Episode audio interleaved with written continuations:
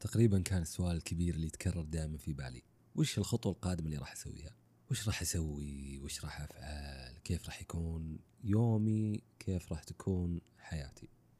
بعيدا عن الموقف اللي حصل لي أو اللي حصل لك أو اللي حصل لأي شخص. البعض منها يعتبر بسيط والبعض منها يعتبر له أثر وصدمة قوية على الشخص.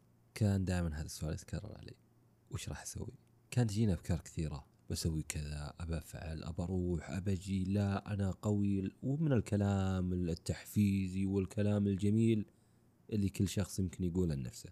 طبعا في لحظة من اللحظات آه، تقدر تقول أني ناظرت إلى حولي أو اللي حولي وقلت آه، يلا بسوي زيهم. So I'm starting copying and basing the people who's surrounding me بمعنى آخر. كنت أسوي نسخ ولصق للأشخاص اللي حولي. كانت تقريبا كمعاملة ومعادلة اختبارات كنت أقيس نفسي فيها لدرجة أني أصبحت أخسر نفسي في كل مرحلة وأحاول تجربة شعور الآخر.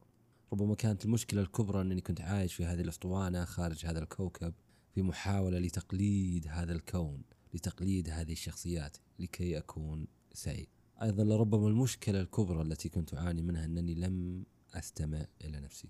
لربما أن كل ما يتطلبه الأمر أن تستمع لنفسك فقط أن يعني تسمح لنفسك وش تبي صدق.